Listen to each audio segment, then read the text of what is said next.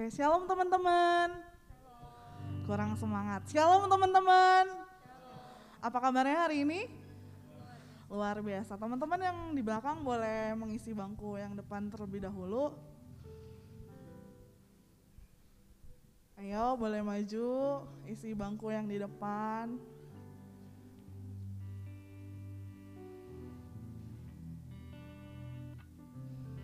Kita mau siapin hati kita untuk masuk ke dalam hadirat Tuhan. Kita mau fokuskan pikiran kita untuk menyembah Tuhan. Haleluya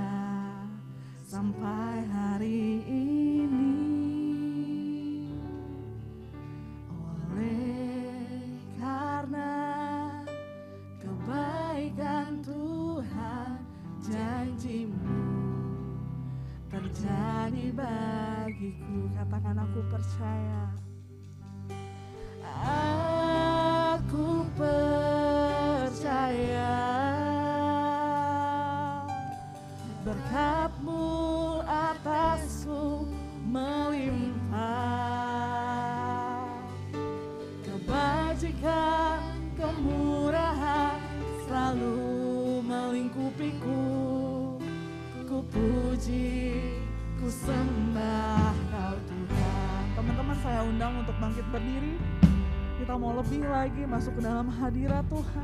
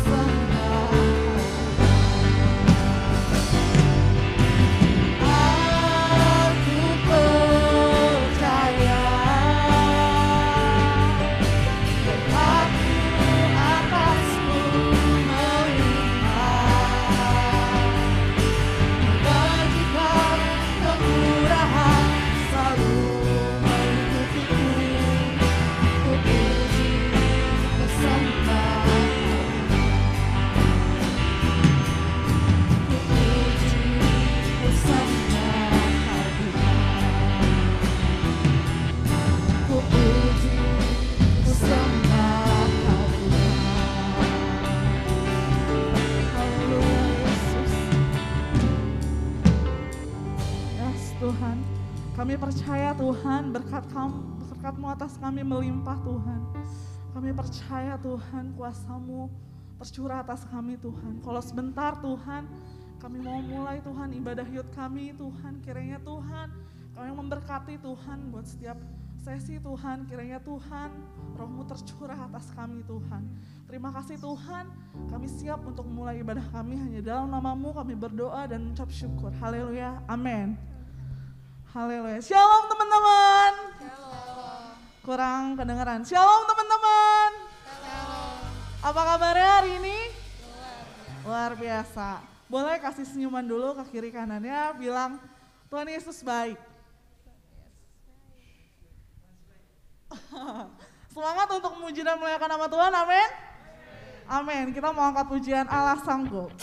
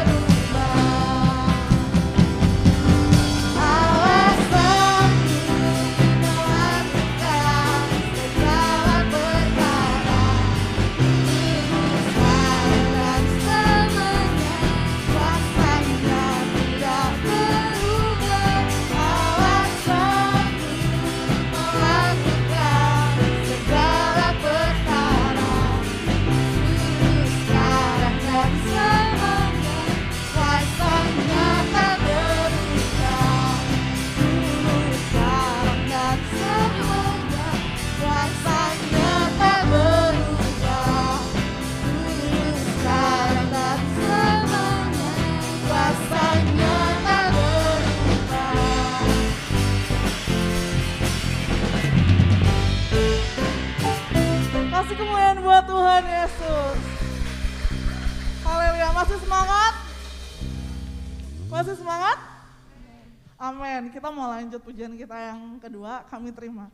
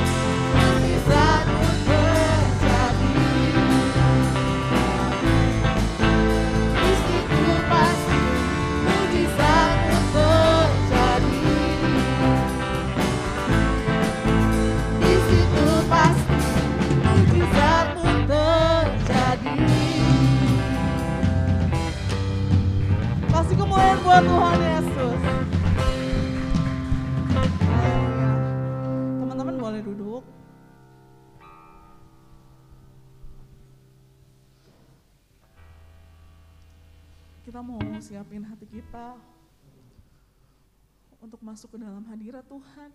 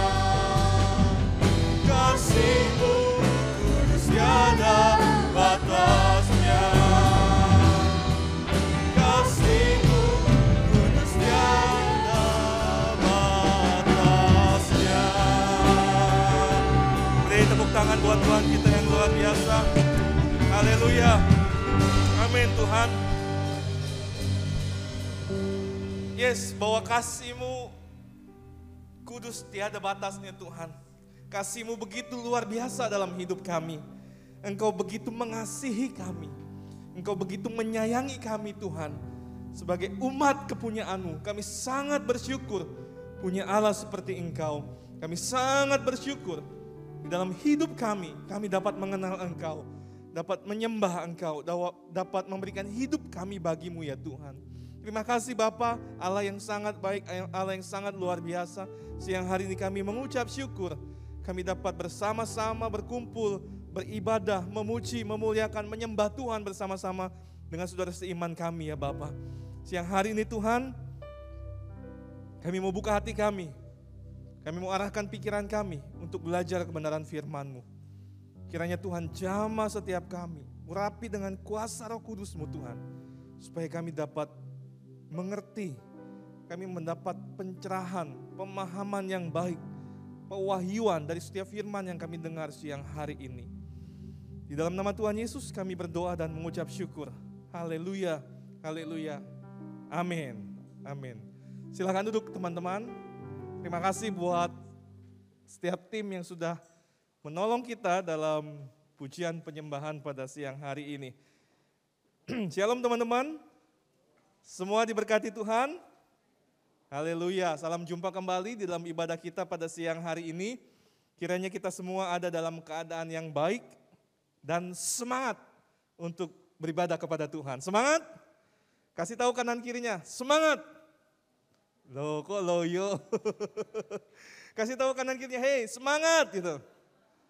Wah jangan-jangan belum makan nih kalau yang loyo nih. Mari siapkan hati dan fokuskan pikiran kita untuk kita belajar kebenaran firman Tuhan pada siang hari ini. Jangan sampai teman-teman uh, sudah invest waktu, tenaga, pikiran, teman-teman nggak dapat apa-apa siang hari ini. Ya, oleh sebab itu mari fokuskan hati dan pikiran kita untuk belajar kebenaran firman Tuhan. Nah, tema saya pada siang hari ini yaitu forgiveness.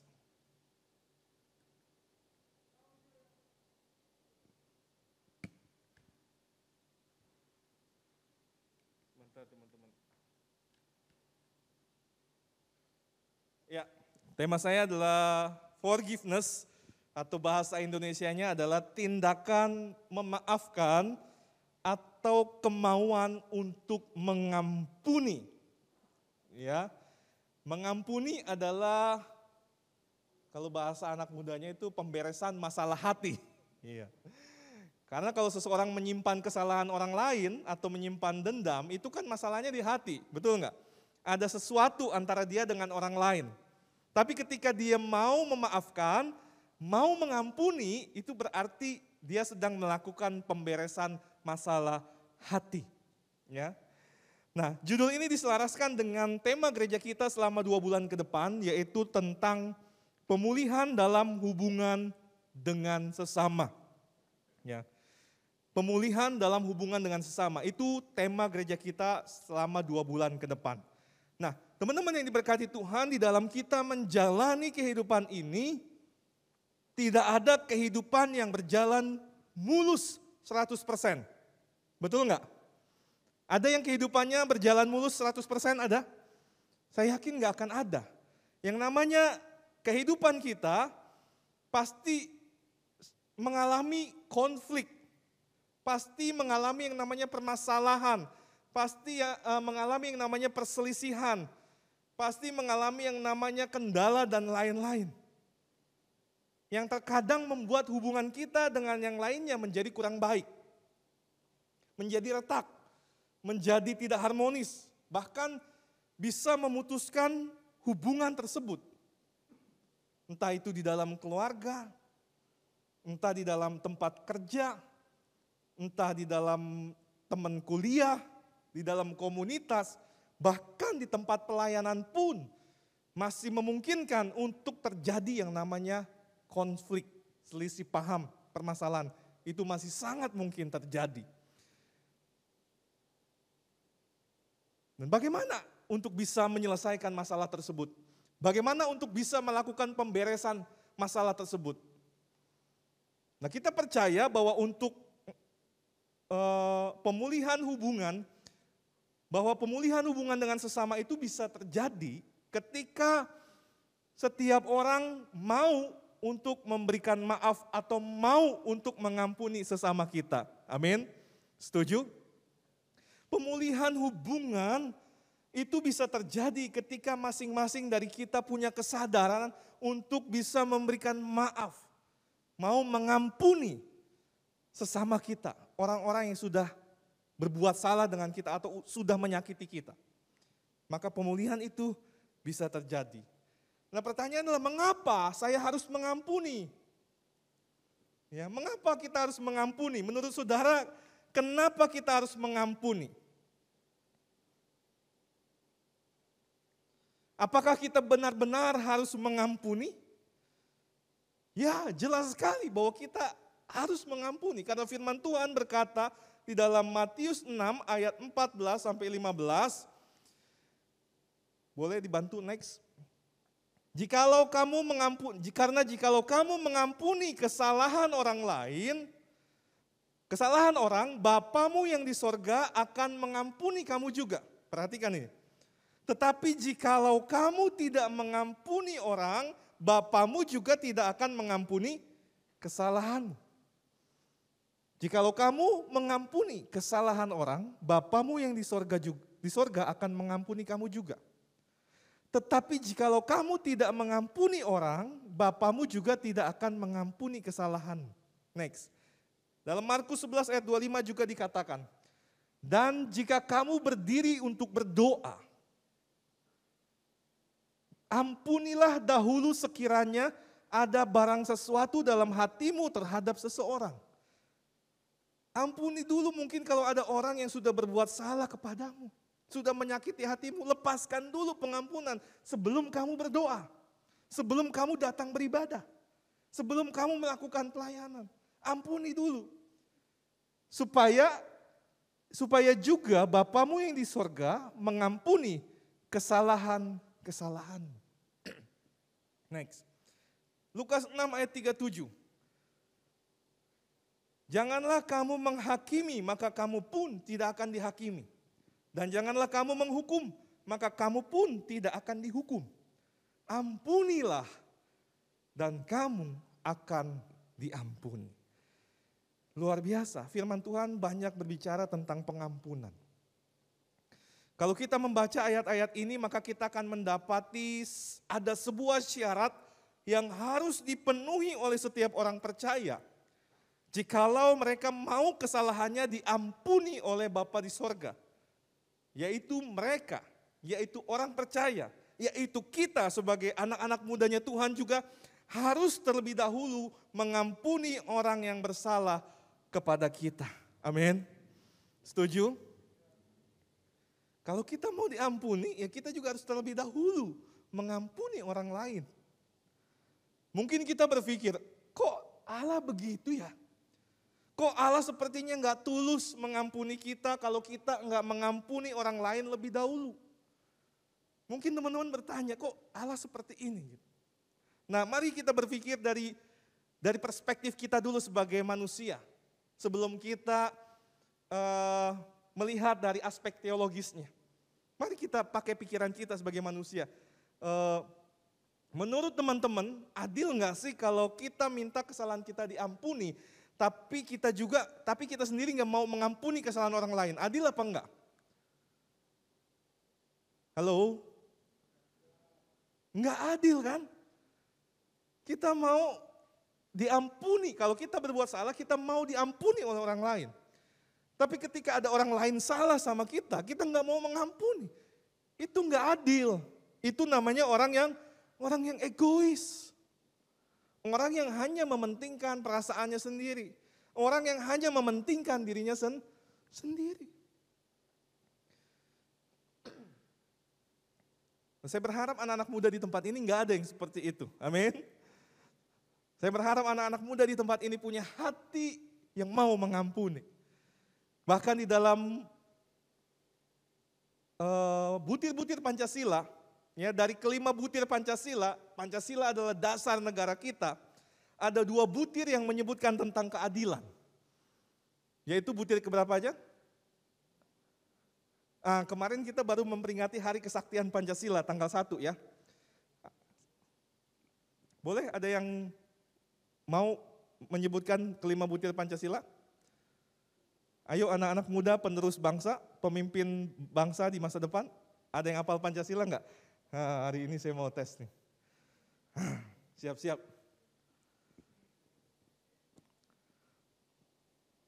Tino, ya. dia udah begini-gini, udah siap-siap.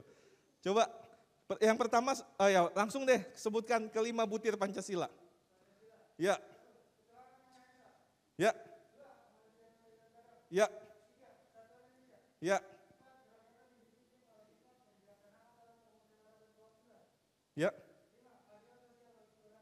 Jadi di butir keberapa ada ada kata keadilan dan adil? Lima dan dua. Dua kemanusiaan yang adil dan beradab. Lima, keadilan sosial bagi seluruh rakyat Indonesia. Sini Tino.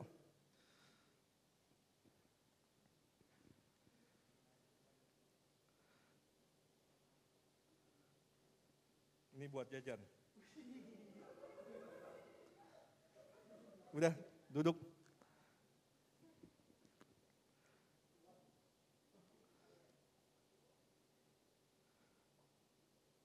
Ada dua butir yang menyebutkan tentang adil dan keadilan.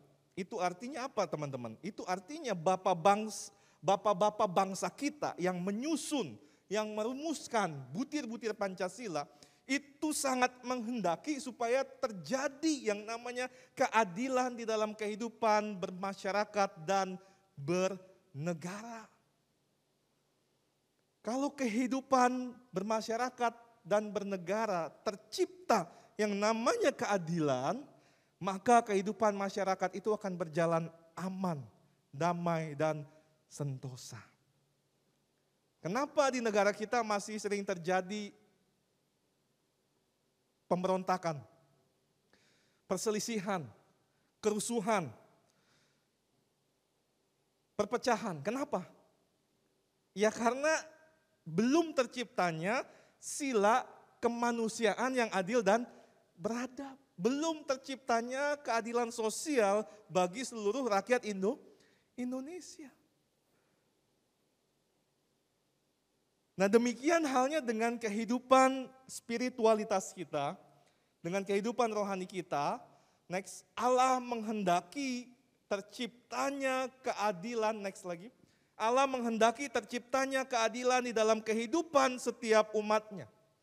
Karena apa? Karena dia sendiri tidak dapat menyangkal dirinya bahwa dia adalah Allah yang setia dan adil. Dan hal ini ditegaskan dalam 1 Yohanes 1 ayat 9 dikatakan, jikalau jika kita mengaku dosa kita, mengaku kesalahan kita, maka ia adalah setia dan adil. Sehingga ia akan mengampuni segala dosa kita dan menyucikan kita dari segala kejahatan. Wow, luar biasa. Apa yang diungkapkan oleh Yohanes ini. Dari ayat ini kita dapat melihat kebesaran kasih Allah dan kemurahan hatinya yang begitu luar biasa terhadap orang-orang yang berdosa kepadanya, terhadap orang-orang yang bersalah kepadanya. Ada dua karakteristik yang di, yang sangat kental di dalam diri Allah yang dituliskan oleh Yohanes di sini yaitu Allah itu setia dan adil. Ini dua karakteristik yang dituliskan oleh Yohanes. Sengaja dituliskan oleh Yohanes supaya para pembaca kitab 1 Yohanes ini tahu, ini mengerti bahwa Allah yang kita sembah, Allah adalah Allah yang setia dan adil dalam mengampuni umatnya. Nah jika kita mengaku bahwa kita adalah anak-anak Allah, maka kehidupan kita juga harus mencerminkan karakter tersebut. Yaitu setia dan adil. Kalau kita mau diampuni, maka kita juga harus mengam, mengampuni. Amin. Ada amin siang hari ini? Haleluya. Nah, teman-teman dari ayat-ayat yang kita baca tadi, eh, kita melihat bahwa Allah sangat menekankan yang namanya keadilan. Ya, mengapa Allah sangat menekankan yang namanya keadilan? Dalam 1 Korintus 6 ayat 9 bagian A, di situ dikatakan, atau tidak tahukah kamu bahwa orang-orang yang tidak adil tidak akan mendapat bagian dalam kerajaan Allah. Nah, ini konsekuensinya. Kalau orang-orang yang tidak adil tidak akan mendapat bagian dalam kerajaan Allah. Kerajaan Allah yang dimaksud di sini adalah kerajaan Allah yang kelak akan kita masuki setelah kedatangan Tuhan Yesus Kristus yang kedua kali. Kita akan ikut memerintah bersama-sama dengan Tuhan Yesus dalam kerajaan seribu tahun. Dan setelah itu kita akan memasuki yang namanya kerajaan surga. Nah bagaimana mungkin orang-orang yang hidupnya tidak adil, yang di dalam hatinya masih menyimpan kebencian terhadap orang lain, yang di dalam hatinya masih menyimpan sakit hati terhadap orang lain, yang di dalam hatinya tidak bisa mengampuni orang lain, itu bisa masuk ke dalam kerajaan Allah. Bagaimana orang-orang yang seperti itu bisa masuk ke dalam kerajaan Allah? Tidak mungkin bisa masuk. Karena sorga adalah tempat yang kudus.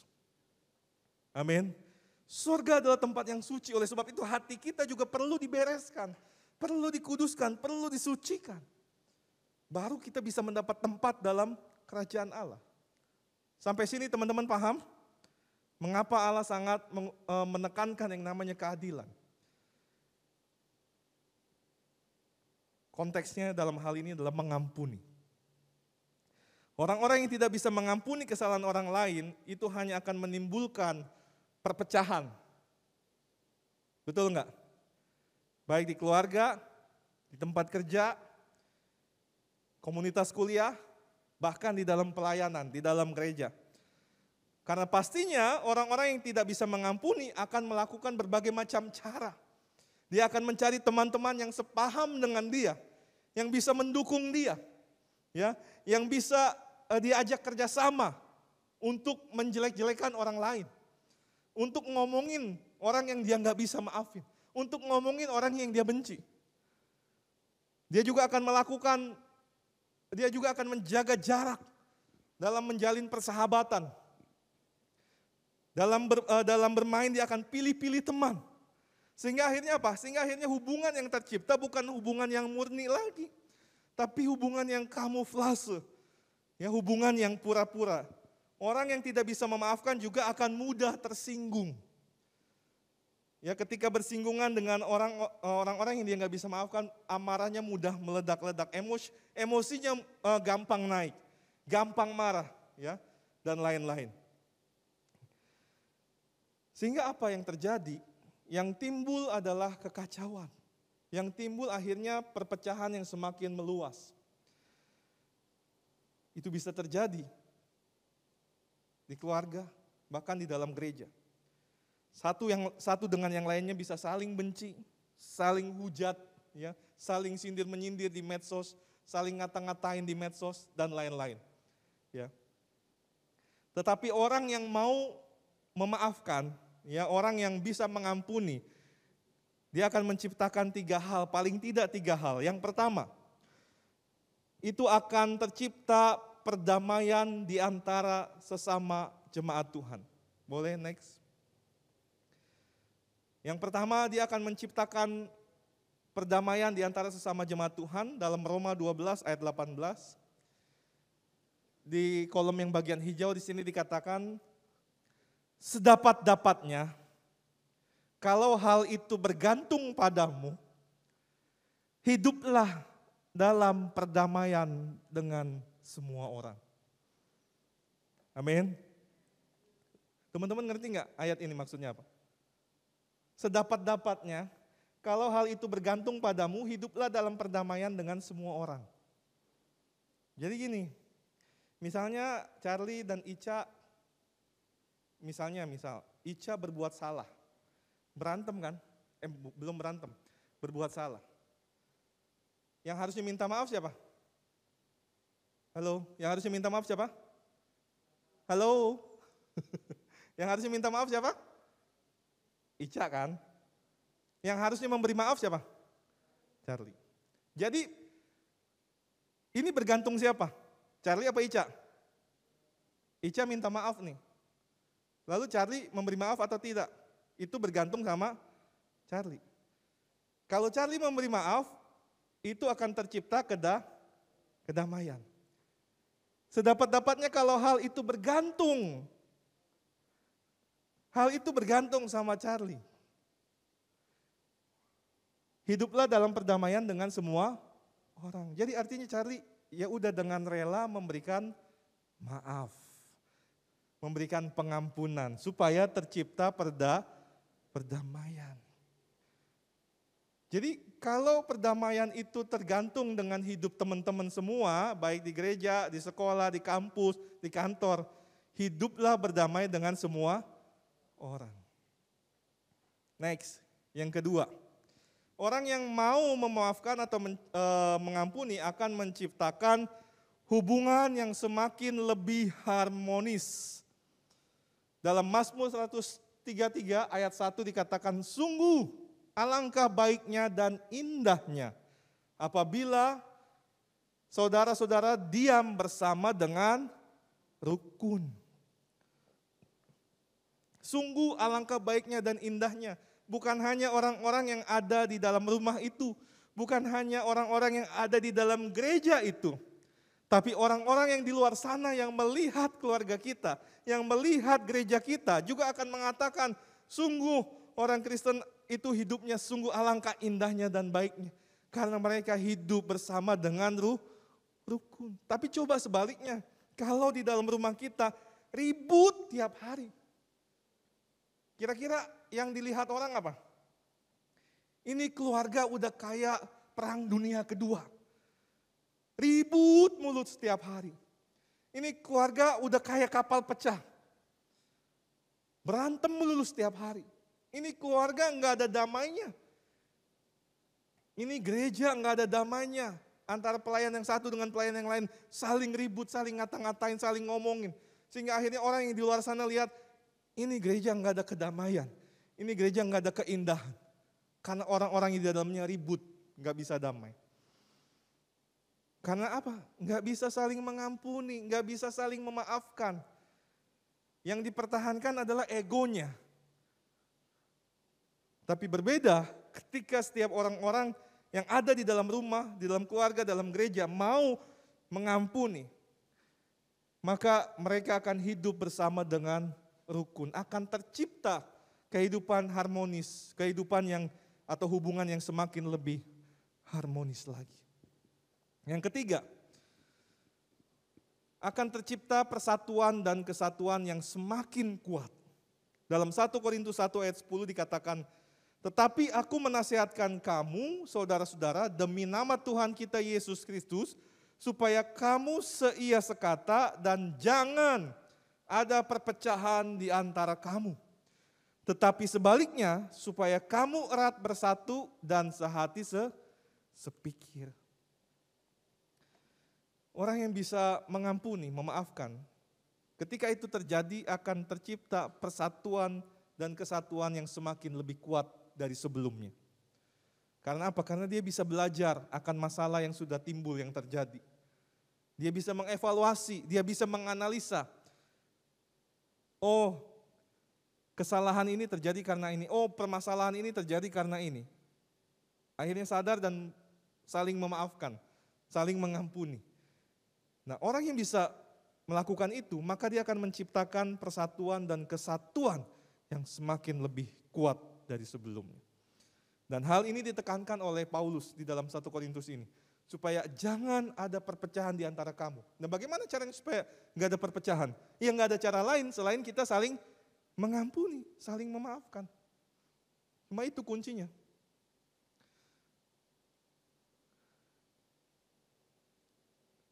Nah, teman-teman yang diberkati Tuhan di dalam kita menjalani kehidupan sosial kita, artinya kita berinteraksi dengan manusia lainnya, pasti tidak akan pernah lepas dari yang namanya berbuat kesalahan.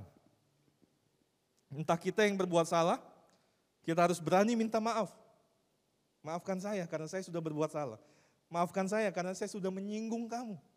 Maafkan saya karena saya sudah berkata-kata kasar terhadap kamu. Harus gentle, atau mungkin ada orang lain yang berbuat salah sama kita. Lalu orang lain datang minta maaf, maka kita juga harus bisa mema memaafkan orang itu.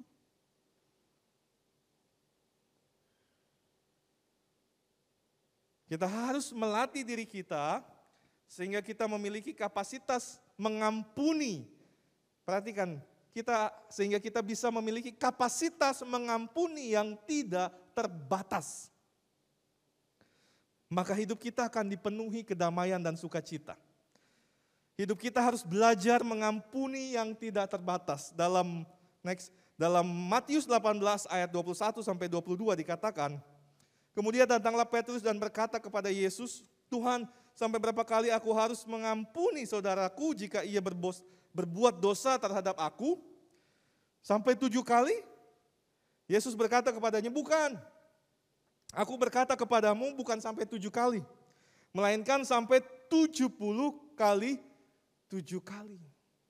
Saudara, angka tujuh dalam uh, budaya Yahudi itu adalah angka sempurna. Jadi Petrus berpikir kalau dia sudah bisa mengampuni sampai tujuh kali, berarti dia sudah sangat sempurna. Tapi pendapat dia ini dibantah oleh Tuhan Yesus. Tuhan Yesus bilang bukan. Bukan tujuh kali, melainkan tujuh puluh kali Tujuh kali. Tujuh puluh kali tujuh kali berarti kan empat ratus sembilan puluh kali. Ini bicara tentang uh, sesuatu yang tidak terbatas. Dan Tuhan mau kita memiliki kapasitas mengampuni yang tidak terbatas.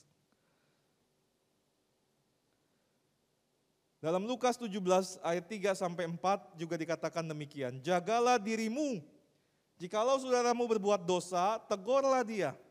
Dan jikalau ia menyesal, ampunilah dia. Bahkan jikalau ia berbuat dosa terhadap engkau tujuh kali sehari, dan tujuh kali ia kembali kepadamu dan berkata, aku menyesal. Engkau harus mengampuni dia. Amin. Uh, anak muda diajar tentang mengampuni. Dahsyat. Ini sangat bertentangan dengan jiwa orang muda. Ya, orang muda biasanya ya identiknya sulit sekali untuk bisa mengampuni. Untuk bisa memaafkan. Tapi siang hari ini Tuhan mengajar kita untuk kita bisa memberikan maaf atau mengampuni orang lain. Amin. Semangat? Oh, ya, kurang semangat. Semangat! Haleluya. Teman-teman, jalanilah kehidupan kita sebagai orang percaya dengan berani tampil beda dengan orang-orang dunia di luar sana. Jikalau orang dunia sulit untuk mengampuni kesalahan orang lain, maka kita sebagai anak-anak kerajaan Allah, kita harus bisa mengampuni kesalahan orang lain. Amin. Itu baru namanya tampil beda. Saudara sedang memberi terang. Saudara sedang memberi dampak untuk orang-orang sekitar saudara. Tapi kalau saudara juga sama dengan orang dunia, bukan mengampuni tapi malah menghakimi, itu namanya nggak ada bedanya dengan orang-orang di luar sana yang belum kenal Tuhan. Hidup kita harus berbeda. Anak-anak kerajaan Allah harus hidup berbeda. Amin. Mari belajar dari Tuhan Yesus Kristus. Dia mengampuni orang-orang yang sudah menghujat dia, yang sudah meng, e, meludahi dia, yang sudah menyangkal dia, yang sudah mengejek dia, bahkan yang sudah ikut menyalibkan dia. Dalam Lukas 23 ayat 34 bagian A, apa yang Yesus katakan terhadap orang-orang yang berbuat jahat sama dia? Dalam Lukas 23 ayat 34 bagian A dikatakan, Ya Bapa, ampunilah mereka, sebab mereka tidak tahu apa yang mereka perbuat. Teman-teman kalau teman-teman lihat nonton film The Passion of the Christ, itu penghinaan yang dialami oleh Yesus. Dihujat, diludahin, dipukul, ditendang, dicambuk, diejek, bahkan sampai disalibkan. Itu belum seberapa dengan kita. Dan Tuhan Yesus memberikan satu teladan yang luar biasa. Di atas kayu salib dia berkata, ya Bapa ampunilah mereka karena mereka tidak tahu apa yang mereka perbuat. Ini teladan yang diberikan oleh Tuhan Yesus bagi setiap umatnya. Oleh sebab itu kita patut meneladani apa yang dilakukan oleh Tuhan Yesus. Kita juga mau mengampuni. Bahkan kematian Yesus di atas kayu salib adalah bukti bahwa Allah telah mengampuni manusia dari hukuman kekal. Oleh sebab itu kita juga wajib mengampuni orang yang bersalah kepada kita. Amin. Mengampuni bukan masalah bisa atau tidak. Tapi mau atau tidak. Sebenarnya setiap orang bisa. Tapi mau atau tidak dilakukan, itu kuncinya. Oleh sebab itu latihlah kehidupan kita untuk bisa mengampuni. Jadi kesimpulan saya siang hari ini, uh, tindakan next, tindakan memaafkan atau kemauan untuk mengampuni itu bukan sekedar sebuah syarat untuk kita diampuni, tetapi juga sebagai sebuah bentuk tanggung jawab moral. Sebagai makhluk sosial dalam menjunjung tinggi nilai keadilan terhadap sesama yang Allah kehendaki untuk kita melakukannya dalam kehidupan kita sehari-hari. Pekerjaan Tuhan akan lebih cepat maju dan berkembang.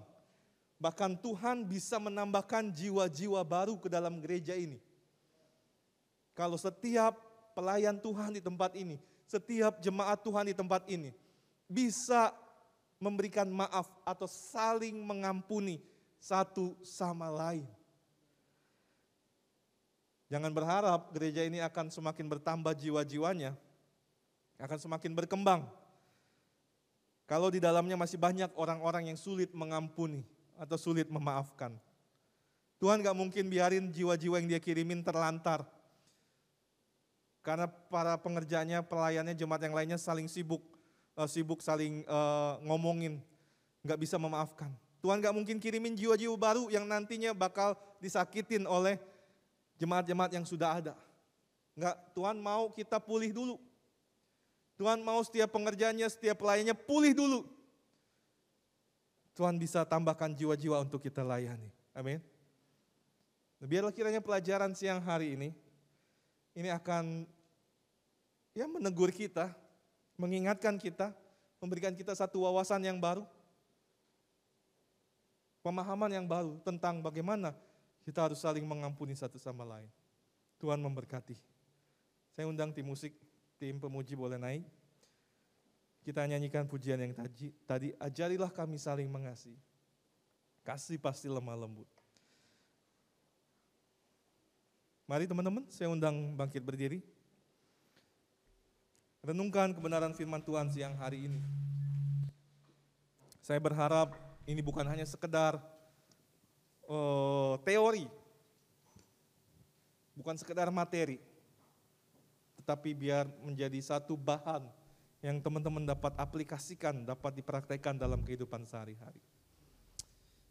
Mari pejamkan mata, kita tundukkan kepala sejenak di hadapan Tuhan. Kasih pasti lemah lembut. Nyanyikan pujian ini dengan segenap hati kita. Kita mau belajar pada Tuhan di dalam hal mengampuni. Bukan dengan ego kita, tetapi dengan kasih kita mau mengampuni sesama kita.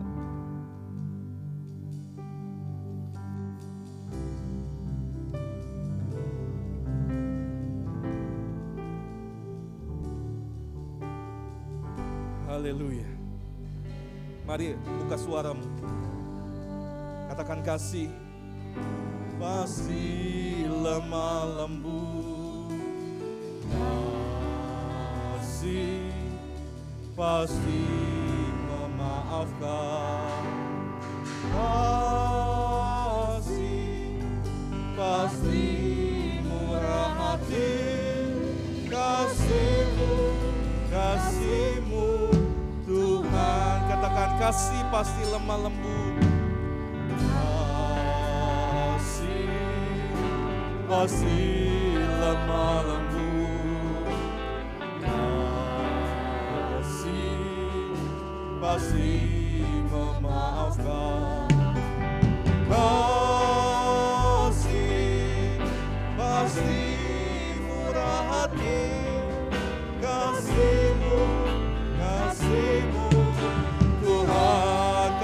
Ajarilah kami. Kami ini saling mengasihi. Ajarilah saling mengampuni. Ajarilah kami ini kasihmu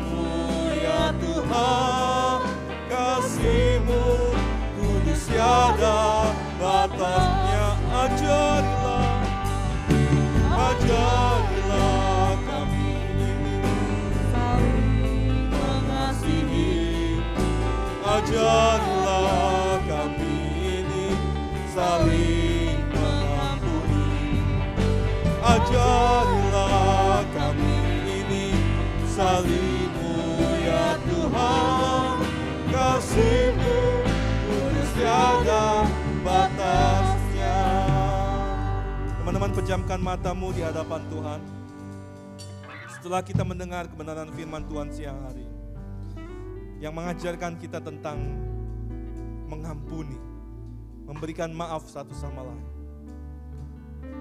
Saya tidak tahu kehidupan yang teman-teman jalani selama ini.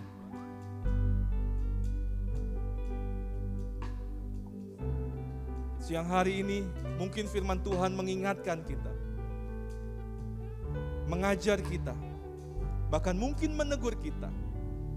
Kalau mungkin selama ini kita sulit untuk memberikan maaf, sulit untuk mengampuni. Kiranya kita bertobat siang hari ini di hadapan Tuhan. Kita sadar setelah firman Tuhan menegur kita. Dan kita mau menjadi pribadi yang lebih baik. Kita mau menjadi pribadi yang dapat memberikan dampak untuk orang-orang sekitar kita. Kita dapat kita mau menjadi pribadi yang dapat Tuhan pakai untuk menjadi saluran berkat untuk orang lain. Itu berarti kita harus dipulihkan terlebih dahulu. Apakah mungkin selama ini engkau menyimpan sakit hati terhadap orang tuamu, terhadap papa mamamu? Mungkin mereka berlaku kasar, mungkin mereka kurang perhatian, mungkin mereka tidak peduli dengan engkau. Mungkin mereka tidak melakukan tugas dan tanggung jawabnya sebagai orang tua dengan baik. Mungkin engkau menyimpan kekecewaan. Siang hari ini, lepaskan pengampunan untuk orang tuamu. Mungkin engkau menyimpan kekesalan, sakit hati terhadap teman-teman kerjamu, atau teman-teman kuliahmu, atau teman-teman sekolahmu. Engkau mungkin pernah dikecewakan, engkau pernah disakiti. Siang hari ini setelah firman Tuhan kita dengar, lepaskan pengampunan. Lepaskan pengampunan dari dalam hatimu. Atau mungkin engkau punya kekecewaan terhadap pemimpin-pemimpin gereja di tempat ini terhadap pelayan-pelayan Tuhan yang ada di tempat ini. Mungkin engkau kecewa, mungkin engkau sakit hati, mungkin engkau kesal. Engkau perlu melepaskan pengampunan. Ingat, pengampunan adalah masalah hati. Bereskan hatimu di hadapan Tuhan. Bersihkan hatimu dari sampah-sampah yang dapat menghambat berkat Tuhan masuk dalam hidup. Bersihkan hatimu dari sampah kekecewaan, kepahitan, kekesalan, sakit hati, dendam, amarah, kebencian. Buang semuanya itu. Supaya hatimu menjadi satu wadah yang bersih. Sehingga Tuhan akan mengirimkan berkat-berkatnya dalam kehidupan. Hatimu akan diisi oleh berkat-berkat daripada Tuhan. Selama kita tidak mau memaafkan, kita tidak bisa mengampuni, maka kita akan sulit mengalami berkat Tuhan. Haleluya.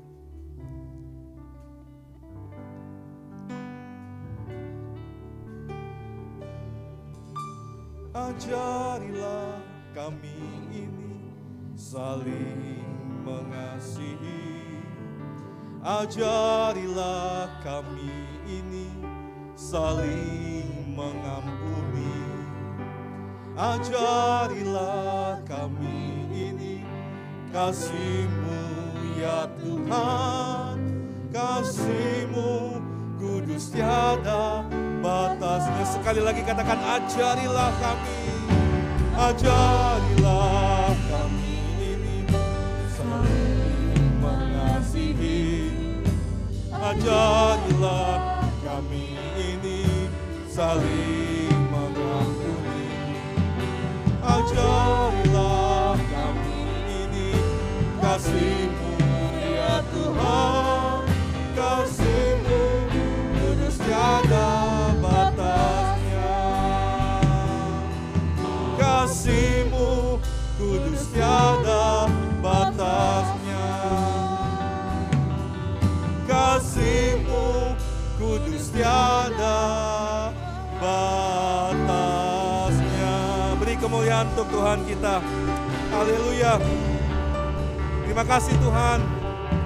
Kami bersyukur untuk siang hari ini kami telah diberkati, kami telah belajar, diteguhkan oleh kebenaran firman-Mu tentang hal mengampuni.